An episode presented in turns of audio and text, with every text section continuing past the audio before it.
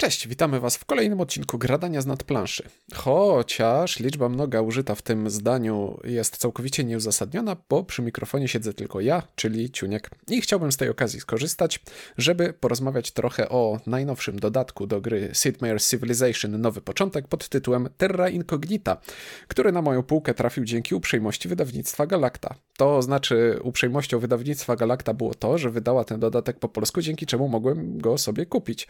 E, tak samo jak mogłem sobie kupić e, reprint podstawki, którą kiedyś miałem, ale w wydaniu Fantasy Flight Games po angielsku i nawet zdarzyło nam się recenzować e, już tę grę. Zgadza się? Tak, zgadza się, mój drugi głosie w mojej głowie, do którego muszę odbijać piłeczkę, bo nie mam przy mnie windziarza, który zazwyczaj robi za mnie wstępy, więc muszę szyć i kombinować. O czym tu mówiłem? A tak, Sid Meier's Civilization Nowy Początek. Ta recenzja dalej wisi na YouTubie, więc można jej sobie posłuchać, a ze swojej strony mogę zapewnić taki telegraficzny skrót. Gra z bardzo fajnymi pomysłami, bardzo prosta w zasadach, można by nawet stwierdzić, że trochę za prosta, e, która w bardzo abstrakcyjny sposób próbuje przedstawić grę typu 4X na niewielkiej liczbie elementów i czasami jej się to udaje, a w przypadku aspektu dosyć istotnego w grach 4X, jakim jest wojskowość, ta abstrakcja poszła trochę za bardzo i przez co zamiast ruszać armiami po planszy, wykonywaliśmy jakieś dziwne wirtualne ataki z liczeniem zasięgów i na dokładkę w naszych partiach okazało się, że ani ta walka nie jest ciekawa, bo sprowadza się głównie do rzucania e, zwykłą sześciościenną kostką i liczenia prostych modyfikatorów, których wcale tak wiele nie było. A z drugiej strony miała ona przytłaczająco duży wpływ na rozgrywkę, no bo jeśli gramy w grę, w której moim celem jest na przykład zbudowanie określonej liczby cudów świata albo zbudowanie określonej liczby miast, a ty bezwstydnie przychodzisz i mi po prostu je zabierasz, no to zysk dla ciebie jest podwójny, bo z jednej strony ja straciłem, więc mam dalej do zrealizowania tego celu, a ty zyskałeś i zbliżyłeś się do zrealizowania swojego celu. Innymi słowy, no wojskowość zawsze się opłacała, bo ataki wyprowadzało się szybko, łatwo, nie było żadnej kary za nieudany atak, poza spaleniem akcji, a do ataków ciężko się było przygotować, no bo tak naprawdę jedyną skuteczną rzecz, jaką można było zrobić, to postawić miasto na górach, bo miasto w górach broni się przed atakiem najmocniej.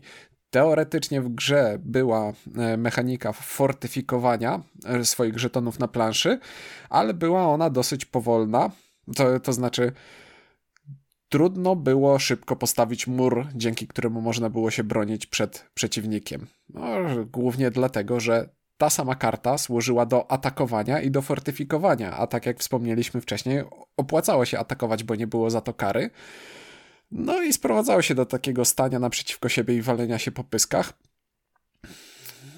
ponieważ niskim ryzykiem można było zyskać bardzo dużo, a przeciwnik mógł bardzo dużo stracić. No ale to może to zależało od naszej grupy. Słyszałem i czytałem w internecie, że nie wszyscy mieli takie wrażenia jak my i wielu ludziom ta gra się podoba, no ale u nas nie siadło i to był deal breaker. No po prostu nie wyszło. Było to trochę zbyt znaczące i za mało ciekawe na to, jakie mogłoby być. No i na białym koniu wjeżdża dodatek, który, ciekawostka, jest zaprojektowany przez innego autora niż gra podstawowa, bo gra podstawowa to był pan James Kniffen, a dodatek pan Tony Fanci. Obaj są pracownikami EFFG, którzy maczali palce przy wielu różnych tytułach, więc tam to studio deweloperskie działa.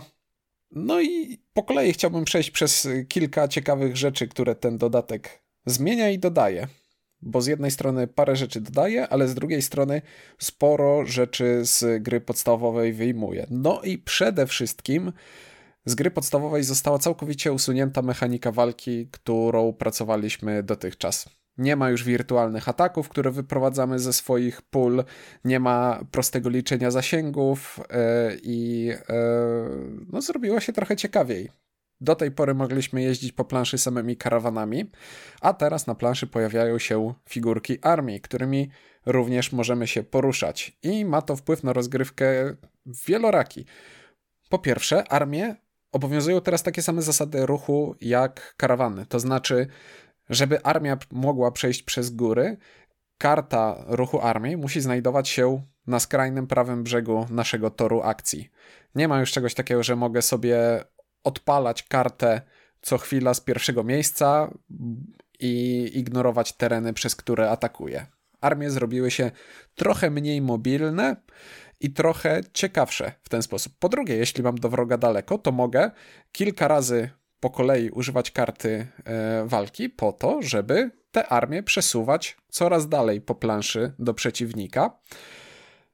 I co najważniejsze, grając w taki sposób umożliwiam przeciwnikowi wyprowadzenie kontrataku. No bo jeśli moja armia stoi na planszy i zaparkowała sobie gdzieś na łące, to ona jest bardzo prostym celem dla przeciwnika do zestrzelenia, bo on może teraz w nią wjechać, zniszczyć mnie i ja znowu muszę wyjść swoją armią ze swojej stolicy lub rozwiniętego miasta. O właśnie, to jest następna istotna zmiana.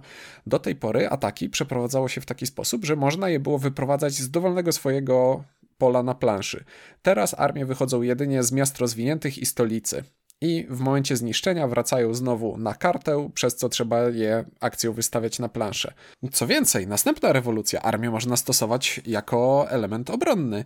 Można ją wystawić na planszę tylko po to, żeby stała na naszym polu z miastem albo na naszym polu z żetonem kontroli i dodawała modyfikator obrony do ataku przeciwnika na to pole. Bardzo dobra rzecz. Następna rzecz. E, do tej pory, właśnie, modyfikatory e, w walce. Do tej pory walka wyglądała w ten sposób, że jeśli kogoś atakowałem, to liczyliśmy wszystkie modyfikatory z terenu i ewentualnych żetonów skrzynek, które znajdują się na naszej karcie walki i dorzucaliśmy do tego kostką kaszustką.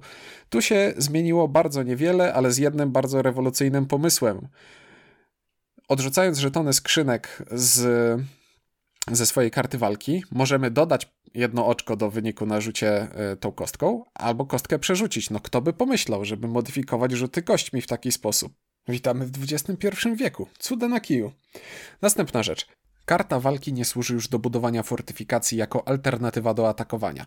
Od tego mamy teraz zupełnie nowy typ karty, kartę rozwoju, znajdującą się na naszym panelu wyboru akcji. Dzięki niej możemy budować naszą sytuację na planszy zgodnie z zasadą zrównoważonego rozwoju. Tutaj trochę dziobniemy atakiem, a tutaj trochę się ufortyfikujemy.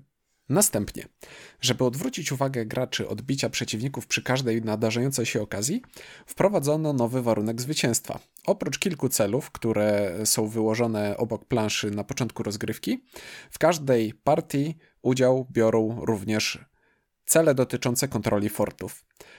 Na etapie przygotowania do gry każdy gracz umieszcza na planszy jeden fort. Znaczy, jest to kafelek planszy wielkości jednego heksa, na którym nie można zbudować miasta, tylko trzeba go podbić. E, I bez podbijania żadnego fortu nie można wygrać rozgrywki. W efekcie na planszy pojawiły się nowe punkty strategiczne, o które konkurujemy z innymi graczami.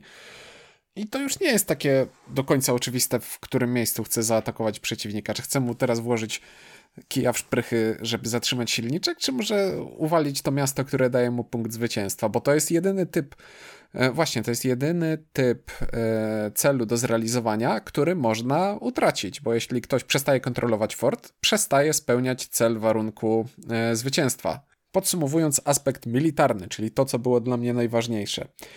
Właśnie, nie wspomniałem na początku, że to są raczej takie moje pierwsze wrażenia na podstawie paru dwuosobowych partii, a nie pełnoprawna recenzja, więc proszę mieć to na uwadze. Styl rozgrywki jako taki się nie zmienił. Dalej walka jest kluczowa i jest e, bardzo mocna pod tym względem, że mogę dużo przeciwnikowi zabrać nie, relatywnie niewiele przy tym tracąc. Ważne, nie teraz jest ryzyko, bo jednak cofnięcie armii na swoją kartę to jest utrata tej całej drogi, która armia przeszła do tej pory, więc jest jakaś drobna konsekwencja przegranej w tej chwili.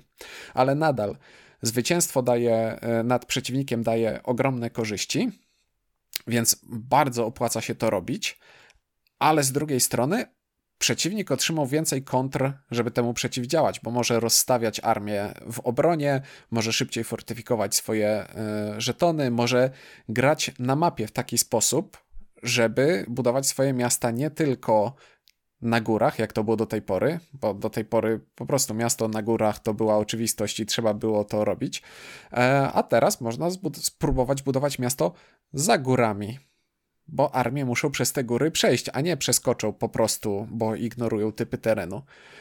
E, nie wiem jeszcze, na ile będzie to żywotne dla mnie. To znaczy, na, nie wiem, czy to naprawiło wszystko to, co mi się w tej grze nie podobało do tej pory, ale widzę, że jest to progres w bardzo dobrą stronę. Szczególnie, że cała reszta zmian, która jest w dodatku, to y, mogę mówić o nich w samych superlatywach, bo to są dodatkowe rzeczy do rzeczy, które i tak już mi się podobały, ale bywały trochę za proste. A teraz dodaliśmy więcej komplikacji, e, o których e, po kolei. Więc tak, duża zmiana. Pojawiły się dzielnice znane z komputerowej cywilizacji numer 6. To są specjalne żetony kontroli, które możemy wyłożyć na planszę, a które będą dawały nam w pewnych momentach rozgrywki profity. E, warto wspomnieć w tym momencie o tym, że zmienił się znacznik pierwszego gracza e, wskazujący wydarzenia. Do tej pory na nim co turę pierwszego gracza przesuwaliśmy wskazówkę i albo barbarzyńcy się ruszali, albo zarabialiśmy skrzynki za każde rozwinięte miasto, albo barbarzyńcy się pojawiali, jeśli mieli gdzie. Teraz ten znacznik jest zdecydowanie ciekawszy i jest na nim więcej e, fajnych rzeczy. I między innymi od czasu do czasu zamiast tej produkcji skrzynek za rozwinięte miasta mamy odpalanie zdolności dzielnic. Co jest takiego fajnego w dzielnicach? Ano to, że bardzo wyraźnie grają one z sytuacją na planszy. To znaczy, na przykład dzielnica przemysłowa będzie dawała nam żetony skrzynek na kartę przemysłową za każdy las, który z dzielnicą przemysłową sąsiaduje. Tak samo dzielnica biznesowa będzie dawała nam skrzynki na kartę biznesową za każdą pustynię, z którą sąsiaduje ta dzielnica. Innymi słowy, zdecydowanie większe znaczenie ma teraz ustaw- zajmowanie terenów na planszy, bo do tej pory interesowało nas tylko to, żeby mieć miasto na górach, albo przynajmniej na pustyni, albo z brzegu planszy, żeby szybciej je rozwinąć, a teraz Dziel, e, muszę zwracać uwagę na to, gdzie stawiam miasto, bo w sąsiedztwie miasta będę, tylko w sąsiedztwie miasta będę mógł zbudować dzielnicę, a dzielnicy bardzo zależy na tym, żeby być w konkretnym miejscu w odniesieniu do terenów, jakie znajdują się na planszy. I to jest rozwinięcie w bardzo fajną stronę, które sprawia, że zarządzanie przestrzenne tym, co robimy na planszy, jest dużo bardziej rozbudowane, dużo, trochę bardziej skomplikowane, no i dużo ciekawsze według mnie. E, o, ale właśnie jest jeszcze na przykład dzielnica wojskowa, która jako efekt statyczny, e, efekt wyzwalany, e, pozwala nam znowu fortyfikować żetony kontroli, które mamy na planszy, a nawet niszczyć armie, które jeszcze nas nie zaatakowały, tylko się zbliżają do naszej, e, do naszej tej dzielnicy. Co sprawia, że znowu dostajemy narzędzie, dzięki któremu możemy się bronić przed bezwzględną i nieubłaganą agresją przeciwników. Spięło się to w tych moich kilku partiach, które rozegrałem do tej pory w bardzo fajny sposób i powodowało bardzo ciekawe decyzje, które trzeba było robić. Mnie się to podoba. Nową małą rewolucją też, są też specjalne karty akcji, które dostajemy w tym dodatku. E, do tej pory, znaczy tak, w podstawce mieliśmy 8 frakcji, z których każda miała e, jedną swoją zdolność specjalną. I tak nadal wydaje mi się, że Aztekowie są mocni, bo mogą atakować co chwilę z siłą 5, ale nie o tym. W dodatku otrzymujemy 10 nowych frakcji, każda ze własną zdolnością, i otrzymujemy po jednej karcie akcji specjalnej dla każdej frakcji obecnej w grze, zarówno w podstawce i w dodatku. I może i działa to w ten sposób, że na przykład grając Chinami podmieniamy swoją kartę e, naukową najniższego poziomu na kartę specjalną dla Chin, którą mają tylko Chińczycy i tylko oni będą mogli z niej korzystać. Jeszcze bardziej różnicujemy frakcje. E, ale niektóre frakcje mają e, specjalne karty wyższych poziomów, jak na przykład Amerykanie na czwartym poziomie kultury mają radio, którego zdolność jest straszna, bo mówi, że jeśli karta kultury Stanów Zjednoczonych ulepszona zostanie odpalona ze skrajnego prawego pola e, naszego paska akcji, to możemy przejąć miasto przeciwnika, jeśli znajduje się w odpowiedniej, w odpowiedniej odległości. To brzmi przerażająco, ale znowu trzeba się do tego doczłapać i jest to, jest to ciekawe, jest to różnicujące to, w jaki sposób gra się tymi frakcjami. Jest tutaj potencjalny problem, który może się pojawić. To znaczy, czy te zdolności są ze sobą, e, czy są zbalansowane, brzydkie słowo. Na tym etapie nie mam pojęcia, ale bawi mnie to. Bawi mnie to, że mogę sobie zagrać Egiptem, który od samego początku ma wynalezione koło, przez co karawany za dojeżdżanie do miast państw od razu zdobywają surowce bonusowe. I wyraźnie czuję, że moja gra będzie teraz wygląda na etapie już samego początku rozgrywki będzie wyglądała zupełnie inaczej niż yy, wyglądała w podstawce, grając również Egiptem. Kolejna rzecz, która się pojawiła, to zegar końca gry. Nie, źle to nazwałem. To nie jest zegar końca gry. Czy mieliście kiedyś w grze taką sytuację, że macie sobie wystawkę kart i leżą na niej same złe karty i nikt nie chce kupować kart z tej wystawki, bo ja sobie kupię słabą rzecz i odkryję kolejnemu graczowi jakąś fajną rzecz, którą on teraz będzie mógł sobie kupić, a ja właśnie wyprztykałem się ze wszystkich swoich zasobów, żeby kupić tę słabą, no nie fajnie. Zdarzały się sytuacje, w których rynek cudów świata tak wyglądał. W tej chwili, znaczy w podstawce widzieliśmy cztery cuda świata i dopóki ktoś takiego cudu świata nie kupił, no to on tam leżał i było smutno. Tutaj nastąpiła lekka zmiana. Od czasu do czasu pojawia się wydarzenie, które mówi: Wszystkie cuda świata tanieją o jeden. Wspaniale. Można kupić je taniej, e, wprowadzić do gry szybciej i zdolności nowe, które one wprowadzą, sprawią, że rozgrywka posunie się do przodu. Wspaniale. Ale jeśli znowu dojdzie do wydarzenia, w którym e, cuda świata tanieją, no to teraz te wszystkie, które już raz staniały, a nikt ich nie chciał kupić, to znaczy, że chyba nikt ich nie chce kupić, no to one teraz spadają i odkrywamy kolejne. I w ten sposób gra nabiera tempa. Jest progres niezależny od gra, czy gra odlicza w pewien sposób do końca, no bo nawet jeśli gracze nie będą kupować kart, to w końcu dokopiemy się, sama gra, e, sama z siebie dokopie się do tych cudów współczesnych, które są już mocarne jak ktoś kupi na przykład taki pentagon, nie przymierzając, no to gra jest bliska zakończenia. Następna drobna zmiana to ustroje, czyli takie drobne kafelki pozwalające nam ulepszać karty akcji. Od czasu do czasu pojawia się wydarzenie, które mówi ulepsz swoją najsłabszą kartę, która leży u ciebie na pasku akcji. I w tym momencie mogę na taką kartę położyć żeton, który mówi, jeśli kładziesz żeton na kartę wojskową, to za każdym razem, jak będziesz rozpatrywał tę kartę wojskową, to rozpatrz ją tak, jakby leżała dwa pola dalej na pasku akcji. Albo jeśli rozpatrujesz przemysł, to tak, jakby leżał pole dalej. I za każdym razem, jak mamy okazję zmiany ustroju, e, to możemy sobie wprowadzić nowy ustrój na jedną z naszych najsłabszych kart, ale ten ustrój wcześniejszy musimy zrzucić. I znowu to jest coś, co różnicuje styl naszej gry. E, nie daje nam oczywistych odpowiedzi, bo mogę ulepszać tylko te karty, które w danym momencie są najsłabsze, ale jednocześnie daje takie przyjemne wrażenie, że gra mi coś dała. Zrobiłem coś, jestem teraz w czymś lepszy, mogę zrobić więcej. A ja lubię, jak gra mnie głaszcze po głowie, bo e, odbicia mam przeciwników. Ostatnią grubą zmianą, jaka pojawiła się w dodatku, są zasady eksploracji, dzięki czemu technicznie rzecz biorąc, można e, Sid Meier's Civilization Nowy Początek nazwać w tej chwili grą 4X, ponieważ wszystkie te aspekty się w niej znajdują. O! Eksploracja działa w następujący sposób. Ruszając swoją karawaną lub armią, mogę wyjść nią poza planszę, żeby dolosować sobie z puli nowy kafelek mapy, wybrać, którą stroną chcę go dołożyć do planszy, ułożyć w taki sposób, żeby jako tako pasował i pyk od tej chwili Mam nowy fragment planszy, po którym mogę się poruszać. E, jest jedno wyraźne ograniczenie. Eksplorację można przeprowadzać tylko ze swojego kafelka, na którym stoi stolica, więc plansza nie będzie rosła w nieskończoność. E, wolniej lub szybciej, ale miejsca do eksploracji się skończą. I tutaj e, podejście do tego rozwiązania mam dwojaki. Z jednej strony podoba mi się to bardzo, bo ja lubię, jak informacje w trakcie gry są ujawniane i jak widzę, że nie tylko gracze się rozwijają, ale plansza się rozwija, no po prostu bawi mnie to, jak widzę rozwój rozgrywki w trakcie rozgrywki bo wtedy partia robi się mniej szachowa na początku rozgrywki nie wiadomo, które miejsca na planszy są obiektywnie e, bardziej strategiczne, obiektywnie lepsze. E, tylko wszystko jest e, jakiś taki aspekt niepewności, który mnie zawsze bawi tutaj. No ale właśnie po drugiej stronie tego medalu jest to, że czasem może się okazać, że hej, Wylosowałem po swojej stronie planszy dodatkowy kafelek, na którym mam miasto państwo, do którego ja mam najbliżej, a wszyscy inni gracze mają daleko.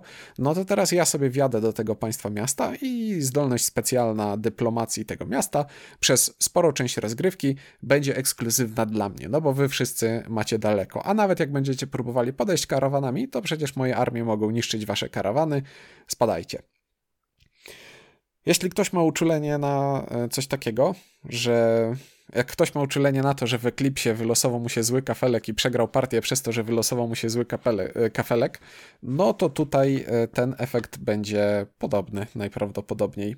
Mnie nie przeszkadza, ja lubię takie zabawy, ale tutaj widzę potencjał na problem. No i w sumie to chyba będzie tyle, bo nie mówiłem o paru drobiazgach w stylu w grze pojawiły się nowe cuda świata, w grze pojawiły się nowe zdolności frakcji, w grze pojawiły się nowe cele, więc różnorodność rozgrywek pod każdym względem będzie większa niż była w podstawce. No bo to jest już taki y, standard dodatków od Fantasy Flight. Najbardziej chciałem skupić się właśnie na tych rzeczach, które wymieniają bądź naprawiają, bądź ogólnie robią fajne rzeczy y, z tym, co działo się w podstawce. Jak to się spina koniec końców? No dla mnie dla mnie nie ma już powrotu do podstawki. Podstawka to była taka gra, którą bardzo, bardzo chciałem, żeby mi się spodobała, ale ta gra robiła wszystko to, żeby mi się nie podobać. No, a dodatek chyba pomaga. Na razie, po tych paru partiach, które zagrałem, mam ochotę grać dalej, bo to, co leży przede mną na stole, to nie jest bardzo prosta, bardzo uproszczona gra z potencjałem która ma pewien element, który mnie irytuje, tylko to jest gra, która ma zdecydowanie więcej ruchomych części, którymi mogę się bawić i ta zabawa mnie bawi, jak sama definicja tego słowa mówi. A jeśli ktoś, w przeciwieństwie do mnie, już od samego początku bawił się dobrze przy podstawce, no to Terra Incognita wydaje mi się, że będzie takim dodatkiem obowiązkowym, wpisującym się w kanon najlepszych dodatków Fantasy Flight Games, tak gdzieś obok dodatków do poprzedniej wersji cywilizacji, albo do chaosu w Starym Świecie, albo menedżera drużyny.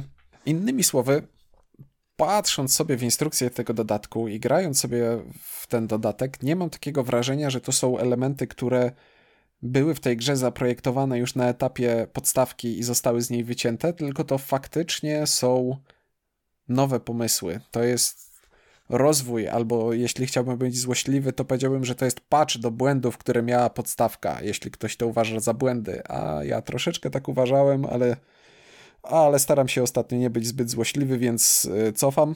I nie pozostaje mi nic innego, jak tylko polecić zapoznanie się z tym dodatkiem. Chyba warto. Dobra rzecz, tak uczciwie, dobra rzecz. I to by było na tyle. Dzięki i do usłyszenia w kolejnym odcinku. Za tydzień już w większej liczbie osób.